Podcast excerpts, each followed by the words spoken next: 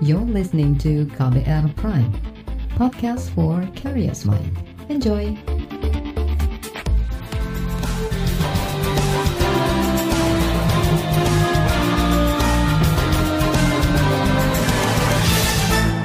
Halo selamat sore saudara, kembali saya Reski Mesanto hadir di KBR Sore hari ini edisi 20 September 2021. Apa kabar Anda sore hari ini? Semoga selalu dalam kondisi yang baik dan sehat.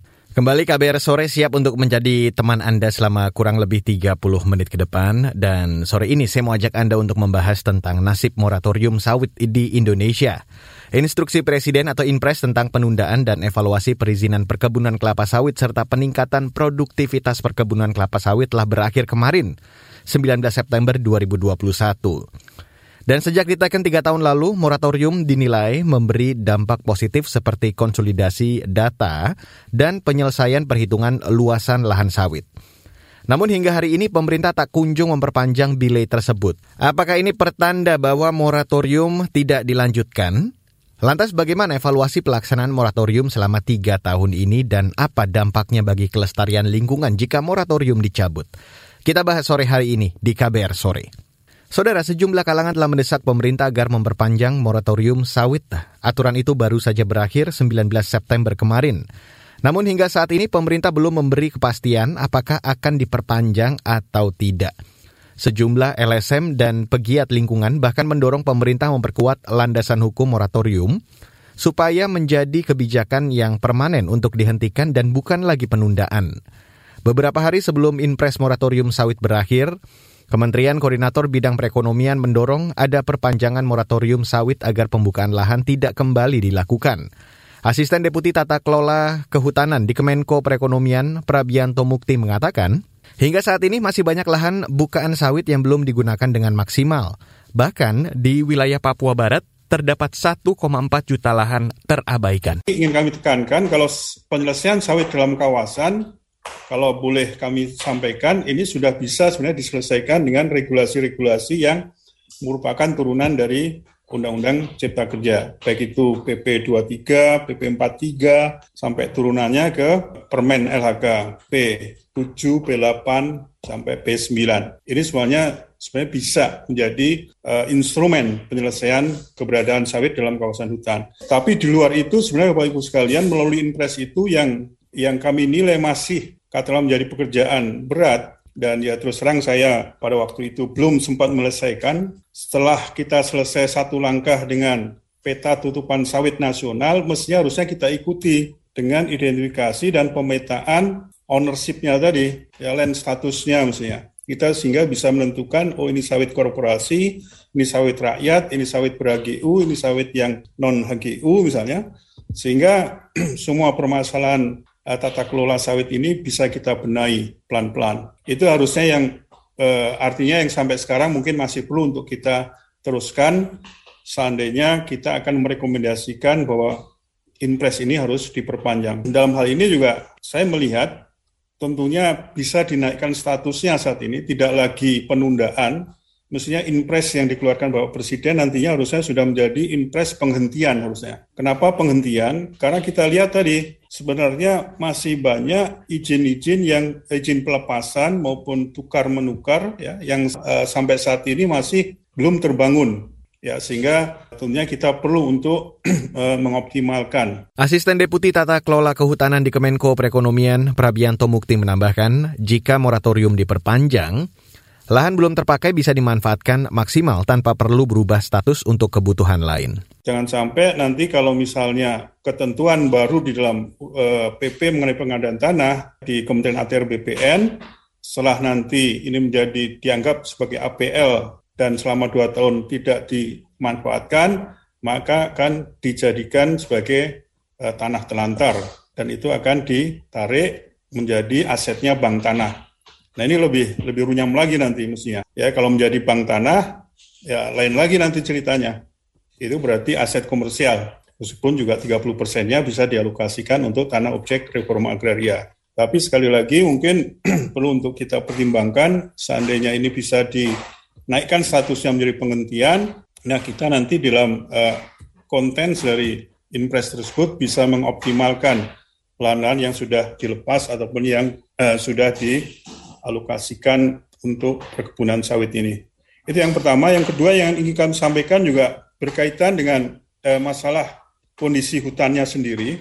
Jadi dalam Inpres 8 2018 itu juga ada klausal atau ada mandat untuk membangun kawasan-kawasan yang masuk kategori HCVF ya ini diperintahkan ke Menteri LHK dan juga Menteri ATR BPN. Nah selama ini juga tentunya kita belum eh, apa ya secara intensif melakukan evaluasi terhadap HCVF di areal-areal kebun sawit tadi. Ini satu pekerjaan besar juga yang mestinya harus kita teruskan, kita lanjutkan. Dan terakhir, Bapak sekalian, berkaitan dengan perlu tidaknya perpanjangan ini, kalau kita eh, lihat dari beberapa diskusi sebelumnya, nampaknya dari teman-teman LHK sendiri melihat bahwa impres ini memang memberikan dampak positif. Meskipun uh, laju deforestasi masih cukup tinggi, tapi kalau dilihat dari paparan Mas Mufti tadi kan ada penurunan. Dari tiap tahunnya ada penurunan di tingkat deforestasi yang uh, tentunya ini bisa diklaim sebagai hasil dari impres moratorium sawit tadi. Di samping juga tentunya ada mengenai penghentian uh, penerbitan izin di hutan primer dan lahan gambut atau PIPIP ya. Nah, barangkali ini hal-hal yang mungkin perlu untuk kita uh, tambahkan di dalam rekomendasi kita seandainya kita menghendaki supaya impres ini bisa terus diperpanjang. Saudara, itu tadi asisten deputi tata kelola kehutanan di Kemenko Perekonomian Prabianto Mukti. KBR sendiri juga telah meminta penjelasan terkait moratorium sawit kepada Menteri Lingkungan Hidup dan Kehutanan Siti Nurbaya Bakar, serta juru bicara Kementerian LHK Nunu Nugraha. Namun Nunu meminta KBR menanyakan hal tersebut kepada Kementerian Perekonomian. Dan saudara selanjutnya di KBR sore akan saya hadirkan laporan khas KBR yang kali ini akan membahas topik menabur sawit menuai konflik. Tetaplah di KBR sore. You're listening to KBR Pride, podcast for curious mind. Enjoy!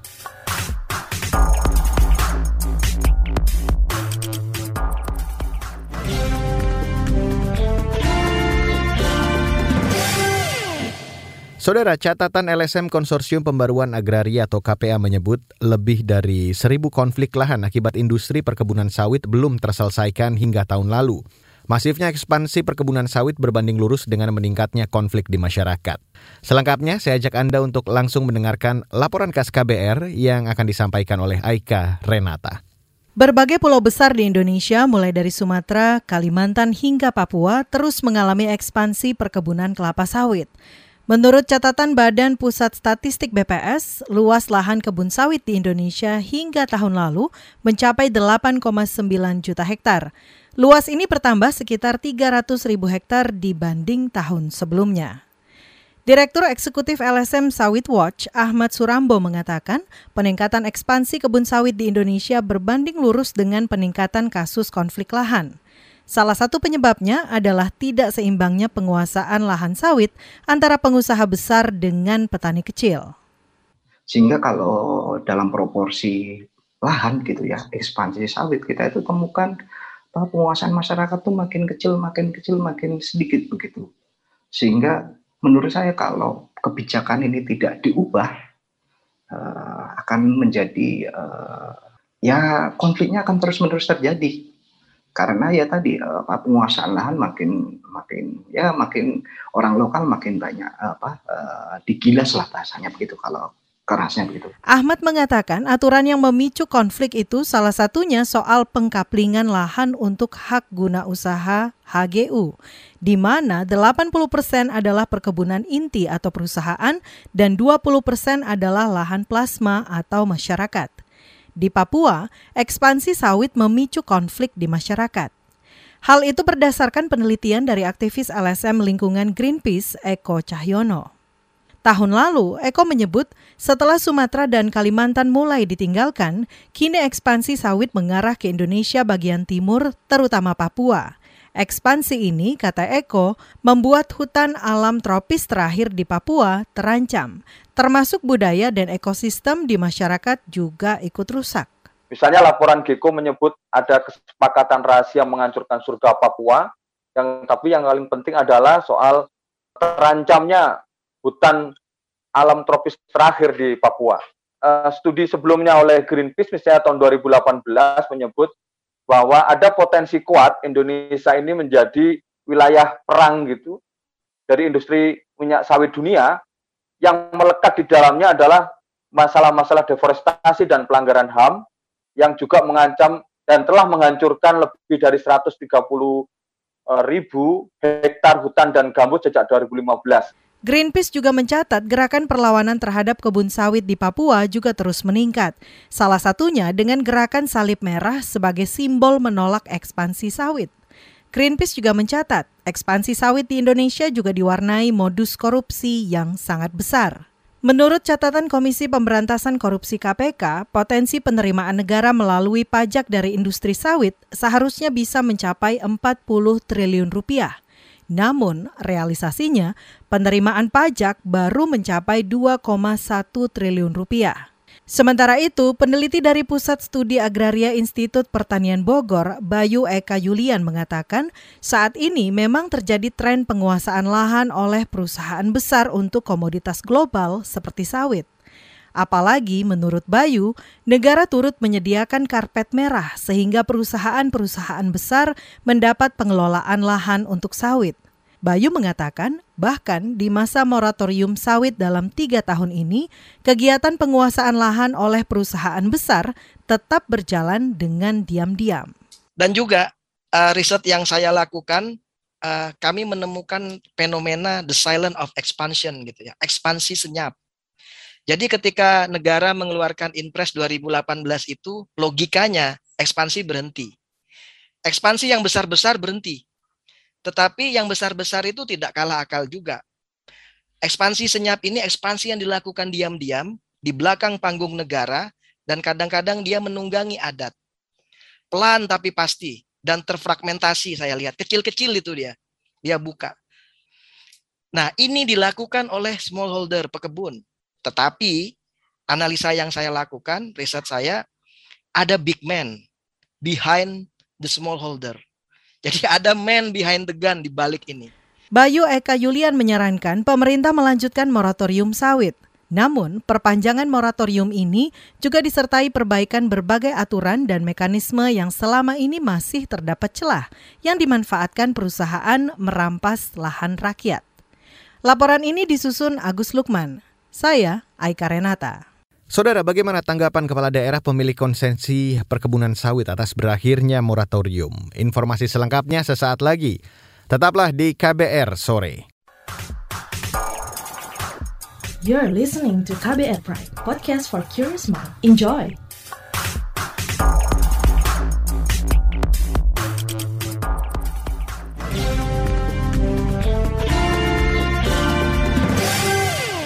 Anda masih mendengarkan KBR sore. Saudara, sejumlah kepala daerah pemilik wilayah konsesi perkebunan sawit turut mendorong pemerintah pusat memperpanjang impres moratorium perizinan sawit. Impres ini resmi berakhir kemarin. Menurut Kepala Dinas Tanaman Hortikultura dan Perkebunan Papua Barat, Benediktus Heri Wijayanto, Implementasi moratorium sawit untuk memperbaiki tata kelola sawit ini masih belum maksimal. Dia mengklaim dalam pertemuan antara kepala daerah, pemilik konsesi, dan pemerintah pusat, ada kesepakatan impres ini diperpanjang. Rasanya masih jauh dari sempurna apa yang sudah dikerjakan oleh pemerintah. Uh, saya ingat pernah ada satu kali rapat itu tanggal 15 Juli 2021 tentang koordinasi pencapaian pelaksanaan impres nomor 8 dan itu yang diundang cuma lima lima provinsi, lima atau enam provinsi, padahal eh, provinsi yang memiliki konten sawit lebih dari itu, lebih dari 10 bahkan mungkin hampir 20 provinsi.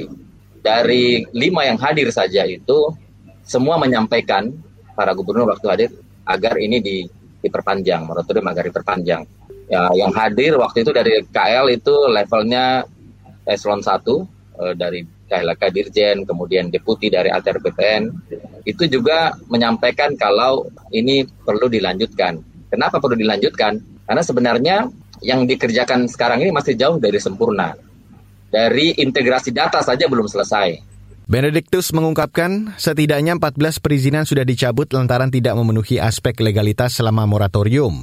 Menurut dia, penerbitan izin yang tidak diawasi dengan baik menjadi salah satu sebab adanya pelanggaran. Jadi itu sebenarnya sebenarnya kan perintah dari perintah moratorium itu kan memang mengevaluasi izin-izin yang sudah diterbitkan.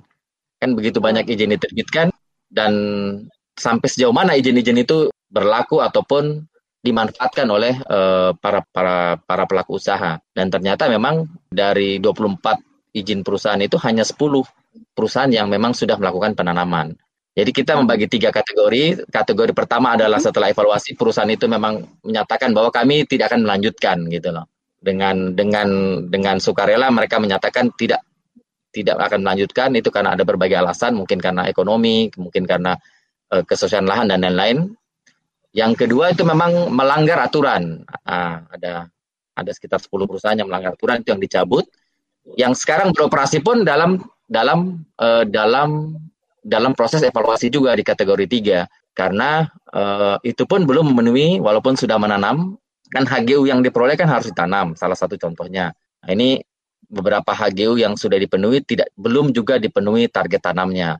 Kewajiban membangunkan petani, petani sekitar lokasi untuk plasma juga belum dipenuhi. Itu pun dalam evaluasi. Juga ada beberapa temuan yang menanam tapi belum memiliki HGU atau menanam dalam kawasan. Di ada satu dua perusahaan yang menanam dalam kawasan sehingga uh, rekomendasi itu kita sampaikan kepada instansi yang berkewenangan dalam hal ini Kementerian Kehutanan, Balai Gakum Saudara, itu tadi Kepala Dinas Tanaman Hortikultura dan Perkebunan Papua Barat, Benediktus Heri Wijayanto. Dan bagaimana jika moratorium sawit tidak diperpanjang? Apa saja dampaknya? Kita bahas selengkapnya di bagian akhir dari KBR sore. Tetaplah bersama kami. You're listening to KBR Pride, podcast for curious mind. Enjoy.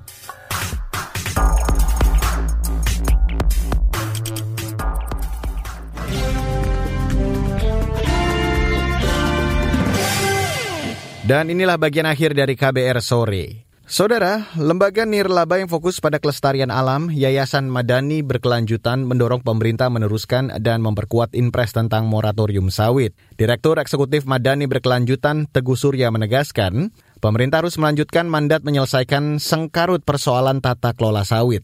Ia khawatir jika bilate moratorium sawit itu tak diperpanjang, maka akan makin banyak masalah alam dan lahan di Indonesia. Mulai dari hutan yang dikonversi menjadi perkebunan sawit, langgengnya konflik agraria antara masyarakat lokal dengan perusahaan sawit hingga peraturan kontradiksi antara impres itu dengan Undang-Undang Omnibus Law. Selengkapnya saya ajak Anda untuk langsung mendengarkan wawancara jurnalis KBR Mutia Kusuma Wardani bersama Direktur Eksekutif Madani Berkelanjutan Teguh Surya terkait impres moratorium perizinan perkebunan sawit kan sudah berakhir sejak tanggal 19 kemarin ya Pak. Apakah dari Madani berkelanjutan sendiri itu mendukung perpanjangan dan juga penguatan moratorium ini? Tentu. Jadi karena memang dari awal kita kan semua masyarakat Indonesia khususnya yang terkait langsung dengan bisnis sawit ya, kemudian pemerhati, pemerhati lingkungan hidup bahkan presiden sepakat bahwasannya industri sawit ini akan bisa menopang ekonomi Indonesia menjadi lebih baik kalau tata kelolanya diperbaiki. Ya. Karena begitu banyak sengkarut persoalan, mulai dari perizinan, sawit ilegal, penggelapan baca, tidak patuh bayar pajak, deforestasi, konflik dengan warga, ya. konflik satwa, dan seterusnya banyak sekali. Nah, sementara setelah tiga tahun diberlakukan impres, itu kan masih banyak agenda-agenda instruksi presiden untuk perbaikan tata kelola itu belum dilaksanakan. Iya. Jadi tidak ada alasan tidak diperpanjang karena niat dari impres itu dan isi dari impres itu sangat baik untuk masa depan sawit Indonesia. Nah, kalau dia sangat baik dan banyak pekerjaan rumah yang belum diselesaikan, maka harus dilanjutkan gitu. Pak, terkait evaluasi selama tiga tahun impres ini berlaku ya, apakah terjadi dampak positif gitu? Semisal memudarkan konflik agraria antara masyarakat lokal dengan perusahaan sawit atau ada dampak positif lainnya nggak sih Pak?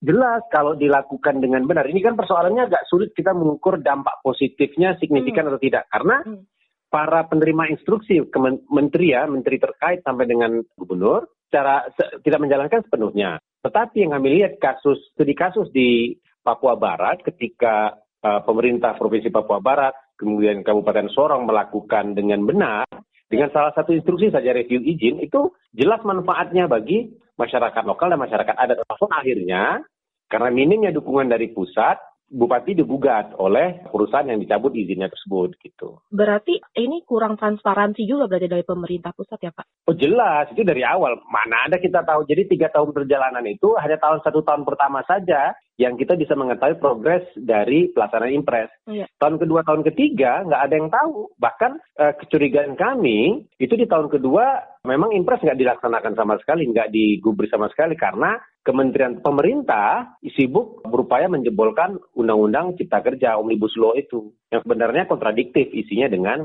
semangat perbaikan tata kelola lewat impres moratorium sawit. Kalau dari turunan Omnibus Law sendiri itu catatannya apa sih Pak? Kalau Omnibus Law itu susu yang berkaitan dengan perkebunan-perkebunan dan perkebunan sawit justru dia memberikan ruang atau karpet merah untuk melakukan ekspansi sawit di kawasan hutan. Bahkan apa ya, bahwasannya ada persoalan-persoalan dalam tata kelola sawit ini mulai dari konflik, deforestasi dan seterusnya ini kan Iya. harus diselesaikan dengan cara yang tepat ya. Nah, impres ini sebenarnya memberikan ruang itu, memberikan arahan dan ruang untuk menyelesaikan berbagai persoalan-persoalan itu dengan cara yang tepat. Nah, Undang-Undang Cipta Kerja itu membypass proses itu. Jadi mengambil langkah ce- cepat saja tetapi tidak tepat gitu. Sehingga berpotensi sebenarnya menimbulkan konflik baru. Nah, berarti bisa dibilang penegakan hukum selama tiga tahun moratorium perizinan perkebunan sawit itu masih lemah begitu ya Pak? Karena masih banyak perkebunan sawit yang dibuka dalam kawasan hutan begitu. Hmm, benar sekali, justru itu sebenarnya impres ini ingin memberikan penyelesaian secara hukum dengan lebih ya, dengan lebih bijak gitu ya. Makanya diawali dengan tinjauan perizinan. Saudara itu tadi wawancara jurnalis KBR Mutia Kusuma Wardani bersama Direktur Eksekutif Madani Berkelanjutan Teguh Surya. Dan wawancara tadi sekaligus menutup KBR sore untuk hari ini 20 September 2021. Terima kasih untuk Anda yang sudah bergabung sore hari ini dan jangan lupa untuk selalu menerapkan dan mematuhi protokol kesehatan di mana pun Anda berada. Dan untuk Anda yang belum mendapatkan vaksin COVID-19 segera datangi sentra vaksinasi terdekat untuk bisa melindungi diri Anda dan orang-orang yang Anda sayang. Baiklah, mewakili tim redaksi yang bertugas sore hari ini, saya Reski Mesanto undur diri dari KBR Sore. Salam.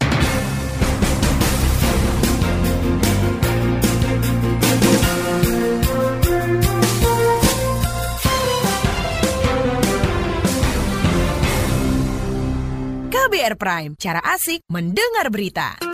KBR Prime, podcast for curious mind.